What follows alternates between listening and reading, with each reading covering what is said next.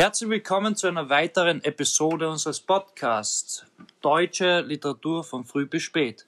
Wir sind Björn, Missy und Olivia und in diesem Podcast diskutieren wir deutsche Gegenwartsliteratur mit lebenden Autorinnen und Autoren und wie sie literarische Traditionen wieder aufgreifen und erneuern. Ein wunderbares Projekt ist das. Stimmt, Missy. Unsere Arbeit ist immer und überall wichtig.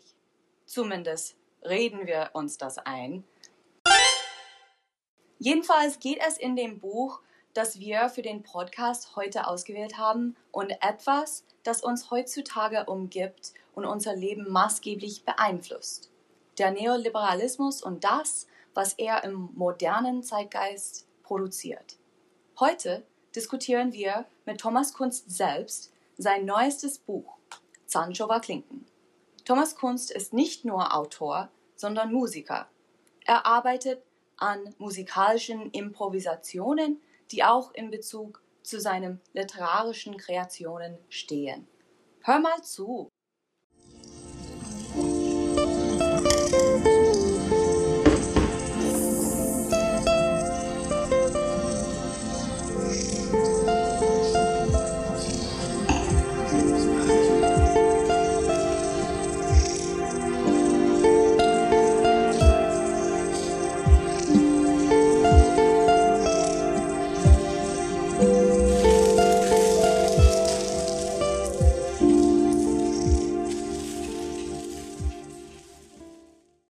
Normalerweise haben wir nicht so viel Glück, einen so vielseitig begabten Autor bei uns zu haben.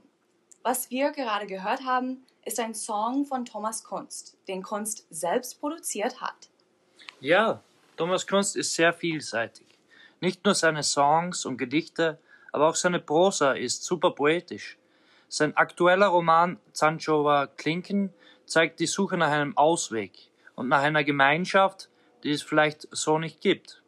Mit viel Witz und Imaginationskraft erzählt er die Geschichte Bengt Klaasens, der in einem Ort namens Zanschau eine märchenhafte Gemeinschaft findet, die ihn mit ihren verzaubernden Ritualen in ihren Bann zieht. Ein Hundehalsband nimmt ihm die Entscheidung ab. Das Gepäck ist bereits im Kofferraum, als der Roman beginnt. Dort, wo das Hundehalsband vom Armaturenbrett fällt, möchte Bengt bleiben. Fast wie im Märchen werden wir in den Roman hineingeführt und danach zeigen sich noch weitere Märchenelemente. Eine märchenhafte Gemeinschaft? Eine freundliche Globalisierung? Wo kann ich mich anmelden? Diese Gemeinschaft findet man so in der Wirklichkeit vielleicht nicht. Wir wissen das ja nicht, oder? Ja, und genau deswegen spielt er ja auch mit der Wirklichkeit. Denn in Wirklichkeit wissen wir es nicht, aber wir können mit Sicherheit sagen, dass es Gemeinschaften wie diese im Märchen gibt. Ja, richtig. Literatur erlaubt die Möglichkeit, fiktionale Gemeinschaften zu erforschen, wie es im Märchen geschieht. Unser Tom Autor Thomas Kunst nimmt in seinem Roman mehrmals auf die Märchen der Gebrüder Grimm und Hans Christian Andersen Bezug. Im Grimmchen Märchen Brüderchen und Schwesterchen geht es um die Geschichte eines Geschwisterpaars, das von einer Hexe verflucht wird und wenn sie aus dem Brunnen trinken, in ein Tier verwandelt werden. Die Geschichte geht am Ende gut aus. Und wenn sie nicht gestorben sind, dann leben sie noch heute. Kunst greift nun dieses Märchen auf und verwendet dessen Elemente, um neue Perspektiven auf die Wirklichkeit zu entwickeln. Er spielt mit den Märchenmotiven und setzt sie in immer neue Kontexte. Ich stimme völlig zu. Wir sind uns einig. Thomas Kunst liest jetzt aus Zahnschauer Klinken und so bekommen wir einen Eindruck.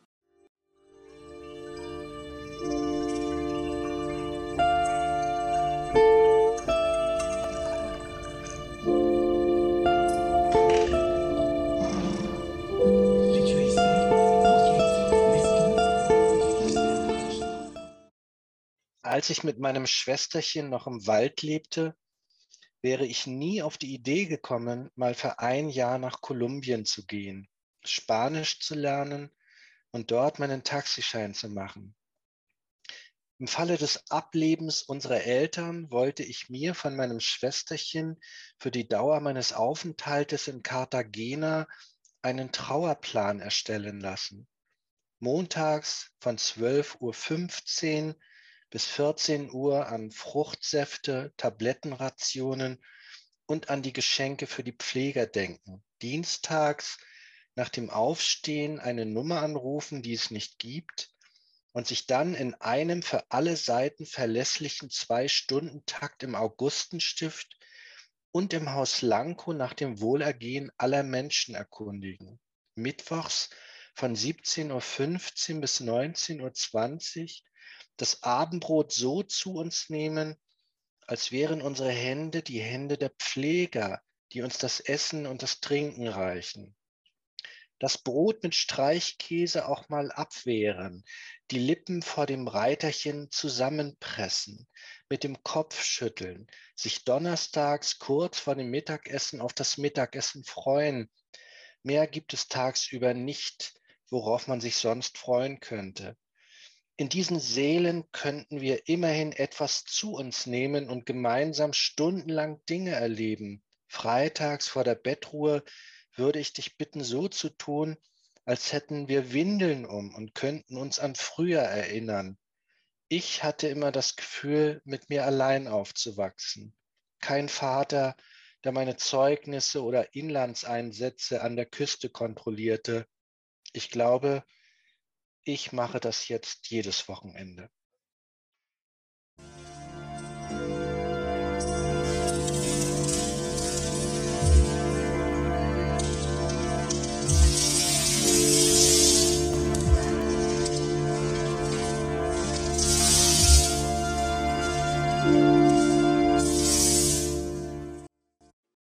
Okay, vielen Dank für diese Leseprobe, lieber Thomas. Es freut uns sehr, heute mit dir dein Buch äh, Zanchower Klinken auch zu besprechen.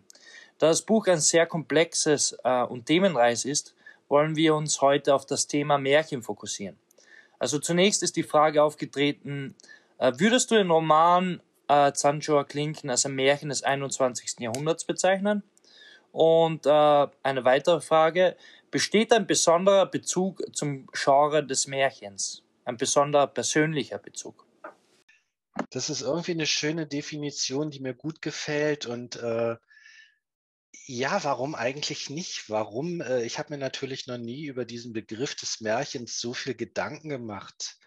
Ähm, in einer anderen Frage, jetzt muss ich leider vorweggreifen, aber weil du das gefragt hast, natürlich waren die Grimms Märchen für uns in der DDR äh, gehörten zu den wenigen Büchern, die, die, äh, die da waren, die man greifen konnte, die man lesen konnte und musste. Und es gab eigentlich für mich so in, in jungen Jahren als Kind, gab es zwei Märchenbücher, die für mich wesentlich waren. Das waren die Grimms Märchen und das waren die Geschichten aus der Murkelei von Hans Fallada. Das waren für mich Märchen, die waren für mich absolut wesentlich äh, in meiner Entwicklung, würde ich fast sagen, muss ich sagen. Genau. Also man kann das, ich würde das äh, überhaupt nicht anstößig finden, das so zu bezeichnen. Ja. Es besteht also ein persönlicher Bezug. Und im Märchen und hier jetzt im Besonderen im Grimmschen Märchen Brüderchen und Schwesterchen geht es ja auch indirekt um Gemeinschaft und Einsamkeit. Jetzt geht es ja im Märchen häufig auch darum, ein kollektives Bewusstsein zu befördern.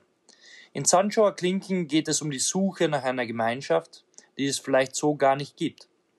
Sind deswegen auch die Märchenelemente wichtig für die Konzeption des Romans oder ist dir das einfach so zugekommen?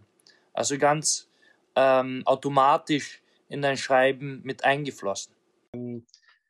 Ich hatte es ja schon im letzten Gespräch gesagt, es gibt für mich keine Konzeption. Es, also diese, äh, diese Märchen sind, es gibt ja noch ein anderes Märchen in diesem Roman, äh, Der Flaschenhals von Hans Christian Andersen. Die sind völlig zufällig da reingeraten. Also ich, äh, ich unterbreche einen Roman nicht bewusst und sage so, jetzt an diese Stelle muss ein Märchenelement oder sowas, sondern äh, es kommt einfach dahin und ich kann es nicht abweisen. Und weil ich selber äh, eine Schwester habe und wir ein sehr kompliziertes Verhältnis zueinander haben, seit dem Tod meiner Eltern auch besonders.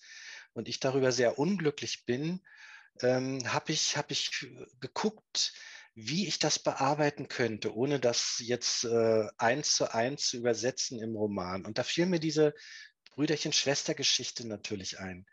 Und äh, deshalb wollte ich das nehmen, weil ähm, das Brüderchen verwandelt sich in ein Reh, ist also nicht gefährlich für die Schwester, was wesentlich ist. Äh, und ähm, aber es geht ja trotzdem, auch wenn das Reh abends immer an die Tür klopft und äh, die Schwesterchen es reinlässt, nach einem gewissen Spruch, äh, ist es für meine Schwester und mich nicht so, so gut ausgegangen wie in dem Märchen. Ne? Also äh, ich habe einfach versucht, diesen ganzen Zustand abzumildern der zwischen uns wirklich nicht sehr schön ist. Und, und da dachte ich, da ist ein Märchen die beste Variante. Das hat einfach auch mit meiner Biografie zu tun. Sehr cool, ja. Das heißt also, dass gewisse Unglücksfälle in ein relatives Glück verwandelt werden. Das Märchen strebt ja mit verschiedensten Mitteln über die Realität, Realität wundersam hinaus. Wie sehr helfen dann die Märchenelemente dabei, die Realität zu hinterfragen oder gar neue Perspektiven auf sie zu entwickeln, die Wirklichkeit sozusagen literarisch zu erweitern? Ähm, wie gesagt, die Wirklichkeit selber wäre nur ein sehr armseliges Gelände, auf, äh, auf das ich mich nicht verlassen möchte. Und deshalb äh, braucht es ein bisschen diesen Hokuspokus und braucht es äh, Dinge, die diese Wirklichkeit sprengen können und verwandeln können. Und da bietet sich natürlich ein Märchen an. Wie gesagt, es war ein bewusstes Hereinnehmen dieser Motive. Es bot sich an und äh, es, es, eröffnete mir die Chance, äh, auf, auf anderen Ebenen mit anderen Figuren, mit, mit, mit Tieren weiterarbeiten zu können. Ich habe jetzt nur wirklich ein, ein sehr bewusstes äh, äh, und, und inniges Verhältnis zu Tieren schon zeitlebens gehabt. Also ich hatte immer Hunde um mich rum. Jetzt habe ich gerade eine Katze, die ist für mich wie ein Mensch. Also ich liebe die abgöttisch und die ist, äh, ist jetzt gerade hier im Raum irgendwo und, und ich, äh, ich wünschte, sie würde jetzt wieder an mir vorbeispringen und aufs Fensterbrett sich setzen, damit ich sie sehen kann. Ich habe heute zum Beispiel äh, ihr ein Zeckenhalsband umgelegt das sollte eigentlich meine Frau machen, aber sie war dann irgendwie, das, das ging alles nicht. Und dann dachte ich, es ist, weil sie auch sehr, sehr, äh, es ist ein Tier, das äh, auch sehr aggressiv eigentlich sein kann. Und dann war sie aber so lieb und, und hat sich dieses Zeckenhalsband von mir ummachen lassen und ich war so glücklich und dann, das war so, als wenn ich eine Goldmedaille im, im Tennis gewonnen hätte. Björn. ja, okay, danke. Ja, danke auch, dass du mich hier so ins äh, Spiel bringst, in den literarischen Ballwechsel sozusagen. Die Explosionserfahrungen bei mir sind sozusagen eher durch den Tennissport ausgelöst worden. Doch mir gefällt auch die Metapher des Geländes in Bezug zur Wirklichkeit. Es gilt also, sie zu sprengen. Ich bin auch mit einer Katze aufgewachsen namens Icarus und das ist mit Sicherheit ein Mythos, der in der DDR-Kultur eine Rolle gespielt hat. Auch als häufig verwendetes literarisches Motiv. Aber zurück zu den äh, anderen Tierelementen und vielleicht auch zu deiner Kindheit, einer Kindheit in der DDR. Die Tierelemente sind auch Teil des Märchengenres. Waren solche Märchen wie Brüderchen und Schwesterchen sehr populär in der DDR? War das Schulstoff oder ist das ähm, in der Schule gar nicht besprochen worden? Oder war das eine persönliche Angelegenheit, in die du dich speziell vertieft hast?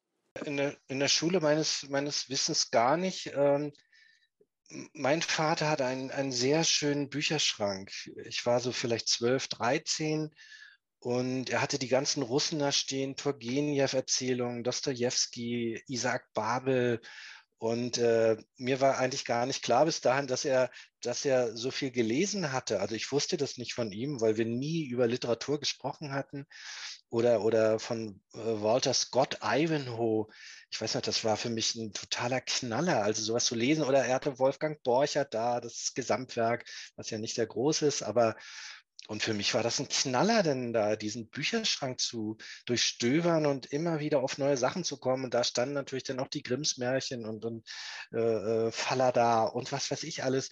Und ich glaube, das war mehr ein Zufall. Das bedeutet nicht, dass alle äh, äh Menschen meiner Generation jetzt unbedingt die Grimms-Märchen. Also das ist, sind ja immer Zufälligkeiten oft. Ne? Wie komme ich an diese Bücher? Stehen die irgendwo und ich, ich stolpere darüber oder irgendwas. Und so war das bei mir.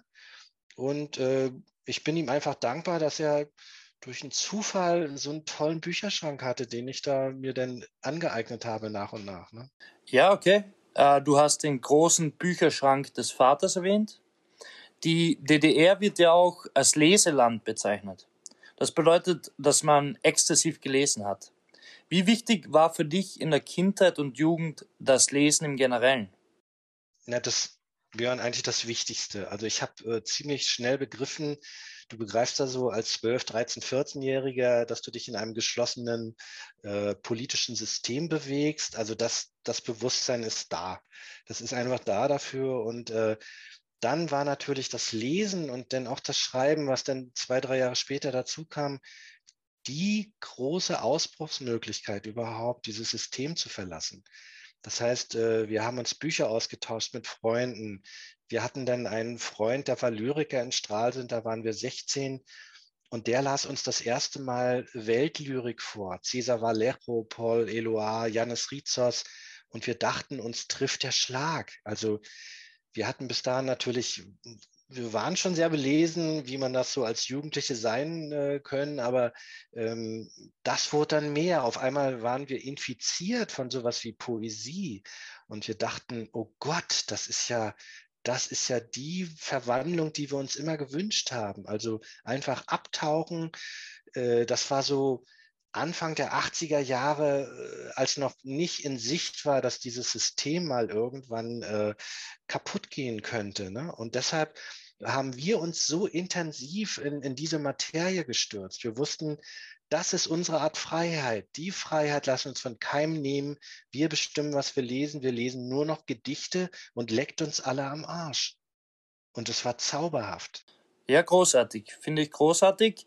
Äh, das Lesen wird sozusagen zur Ausbruchsmöglichkeit infiziert, man wird infiziert von Poesie. Und auch es wird zu einer Art von allegorischen Auflehnung. Wir haben wirklich sehr gerne dein Buch gelesen und wir möchten uns jetzt recht herzlich bei dir bedanken äh, für das Beantworten unserer Fragen. Danke, lieber Thomas.